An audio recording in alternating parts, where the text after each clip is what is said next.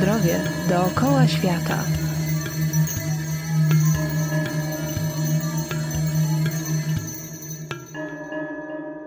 Cześć, nazywam się Kinga Tuńska i zapraszam Was na audycję Zdrowie dookoła świata.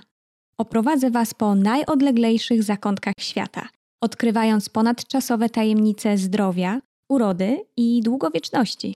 Przemierzę szlaki od Indii po Amazonię w poszukiwaniu tradycyjnych, lokalnych metod uzdrawiania, począwszy od ziołolecznictwa, leczenie dietą, po rytuały szamańskie. Przekonamy się, jak wiele z tych metod nadal ma cudowną moc uzdrawiania, tak dziś potrzebną zagubionemu w cywilizacji człowiekowi XXI wieku. W kulturze Orientu, w koncepcjach wschodnich nie ma wyraźnych granic między praktyką fizyczną a sztuką i religią. Celem wszystkich duchowo-fizycznych praktyk jest osiągnięcie stanu równowagi i harmonii. Człowiek będący cząstką świata i społeczeństwa powinien troszczyć się o harmonię wewnętrzną, a także w relacjach społecznych i ze światem natury. Środkiem do tego mogą być ćwiczenia systemów medytacyjnych i sztuki walki. W podróży na Daleki Wschód towarzyszyć nam będzie mój dzisiejszy gość, Julia Bój, reżyserka, wielokrotna mistrzyni w chińskich sztukach walki, tancerka i choreografka, która stworzyła autorski program warsztatów tańca z wachlarzami bojowymi. Na czym polega taniec z wachlarzami bojowymi, co łączy go ze wschodnimi sztukami walki, czym charakteryzuje się umysł wojownika i jak wykorzystać jego potencjał do zbudowania siły wewnętrznej oraz zdrowia, dowiemy się już za chwilę. Będzie ciekawie. Julia, poznałyśmy się na zajęciach z tańca z wachlarzami bojowymi. Taniec ten wywodzi się z filozofii Dalekiego Wschodu, której ważnym elementem jest historia tamtejszych kobiet.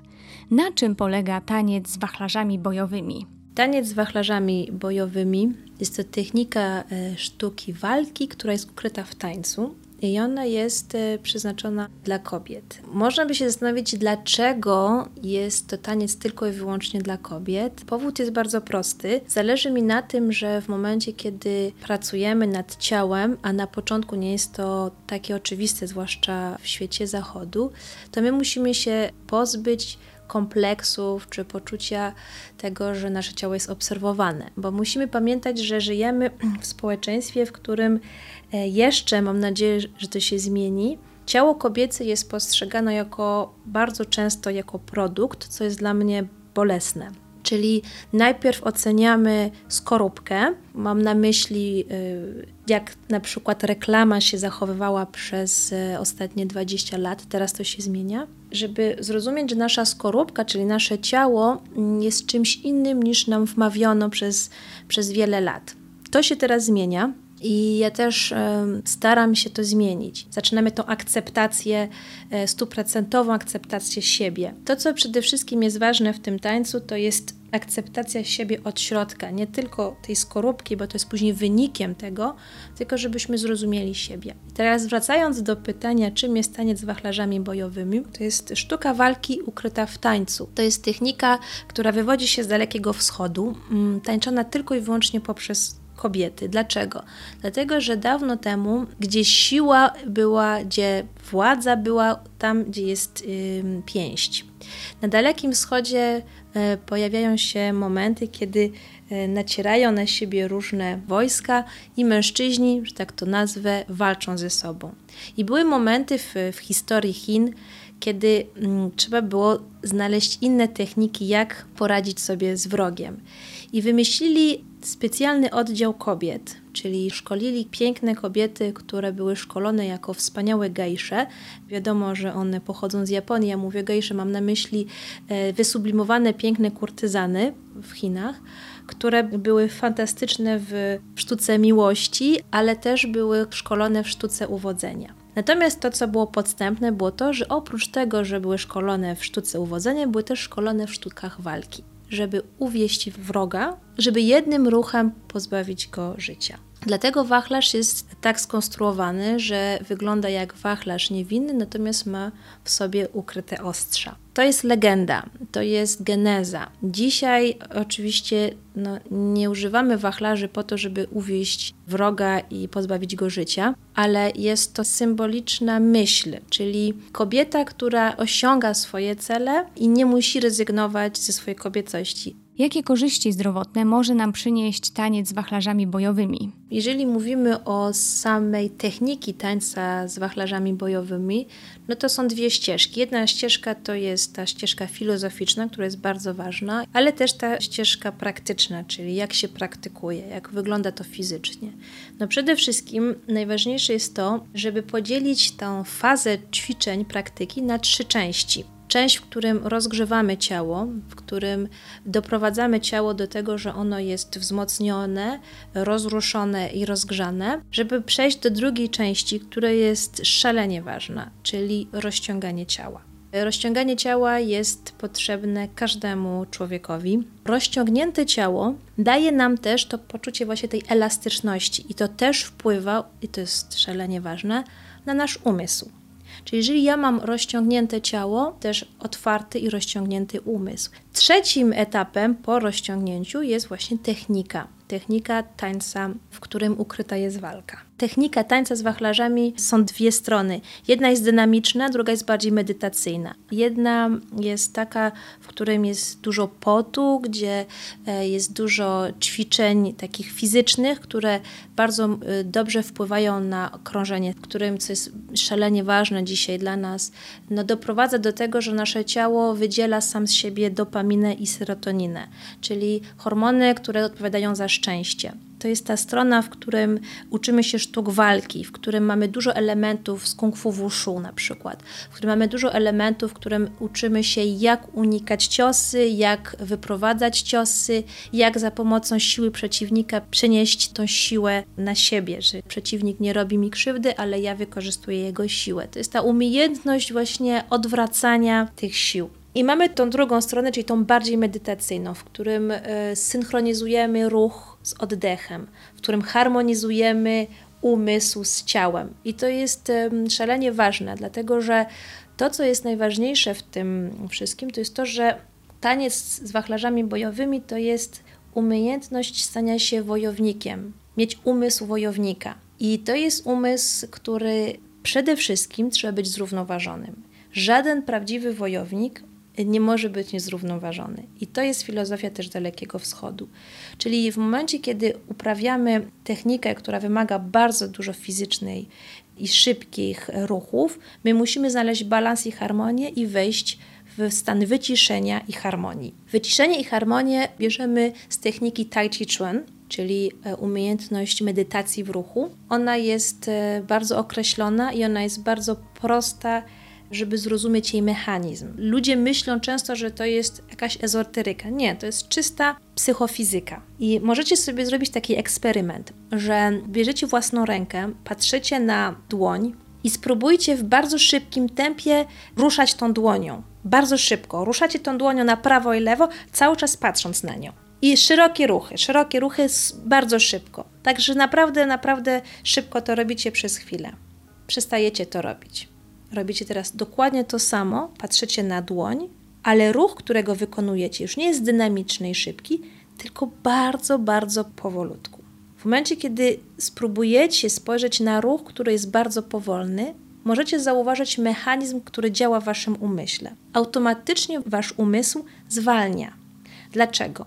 Dlatego, że w momencie, kiedy patrzymy na coś, co jest powolne, nasz umysł zwalnia. Narząd wzroku jest najszybszym przekaźnikiem informacji do naszego mózgu. Ona jest szybsza niż myśl, czyli jestem przekonana, że większość z Was miała taką sytuację, że kątem oka widzi coś w kształcie pająka albo w kształcie węża i jest odruch, taki nagły odruch. Później patrzymy na to, a to się okazuje, że to jest jakaś mała zabawka czy jakiś mały paproch. Co to jest za informacja dla naszego mózgu? To jest informacja, że jest niebezpieczeństwo. Zanim jeszcze pomyślę, mój wzrok to uruchomił i dał tą informację do mózgu. Dopiero później mózg zauważa, że wcale nie jest to zagrożeniem. Co mam na myśli? Narzędzie wzroku jest najszybszym naszym zmysłem, który jest w stanie uspokoić nasz umysł. Uwaga, Tai Chi Chuan, czyli tam wejście w ten stan medytacyjny w ruchu, jest techniką, która uruchamia wszystkie zmysły. Czyli uspokajamy za pomocą wzroku, czyli tak jak Wam powiedziałam, uspokajamy, uwaga, za pomocą oddechu. Oddech, który może wpłynąć na nasz słuch. Słuch, który może wpłynąć na nasz ruch. i tak dalej, i tak dalej. Wszystkie zmysły, nawet węch w tym wszystkim jest uruchomiony. Dlaczego? Dlatego, że prawdziwy wojownik, wojowniczka chcą mieć świadome wszystkie zmysły. To jest stan umysłu, który też ćwiczy naszą uważność, które wbrew pozorom yy, nie męczy, ale uspokaja. Twoja historia jest niezwykle ciekawa. Masz korzenie wietnamskie, twój ojciec jest mistrzem nam, wschodnioazjatyckich sztuk walki. Zapewne nie pozostało to bez wpływu na wybór twojej drogi życiowej. Co sztuki walki wniosły do twojego życia? No mój tata jest e, mistrzem kung fu wushu i tai chi chuan, co no, jest bardzo ważne w rozwoju naszym, bo jak tylko zaczęłyśmy chodzić, no to byłyśmy trenowane i musiałyśmy ćwiczyć e, i zdobywać złote medale i być mistrzeniami w sztukach walki. Przyszedł taki moment, kiedy się zbuntowałam i nie wyobrażałam sobie innego rodzaju buntu, jak pójście do szkoły baletowej. I dzięki temu, że poznałam sztuki walki Dalekiego Wschodu przez mojego ojca i europejskie forma ruchu, czyli taniec, to pomogło mi to połączyć. Połączyłam dwie kultury poczułam kulturę Dalekiego Wschodu z kulturą Zachodu. I to połączenie jest właśnie tym, co teraz proponuję, czyli taniec z wachlarzami bojowymi. Ta technika, w której Europejczyk, człowiek Zachodu, jest w stanie przyswoić i zrozumieć, natomiast on przyswaja techniki Dalekiego Wschodu. Dla mnie ważne jest to, żeby zrozumieć sztuki walki nie jako sztuka, w którym walczymy, tylko wyobraźmy sobie taką sytuację, że w momencie, kiedy jest się silnym i pewnym siebie, jesteśmy w stanie wtedy na przykład pomóc innym. Jeżeli jestem słaby, nie mogę pomagać. Sztuka walki jest tym stanem umysłu, w którym czujemy się silni. Silni, żeby móc pomóc i też na tyle silni, że nie czujemy się zaatakowani. Czyli też nie boimy się, jesteśmy pozbawieni strachu, że w każdym momencie ktoś może nam zrobić krzywdę. Jak bardzo filozofia wschodu różni się w podejściu do zdrowia od praktyk zachodnich? Odwiedzałam moją babcię e, na Dalekim Wschodzie, w Wietnamie.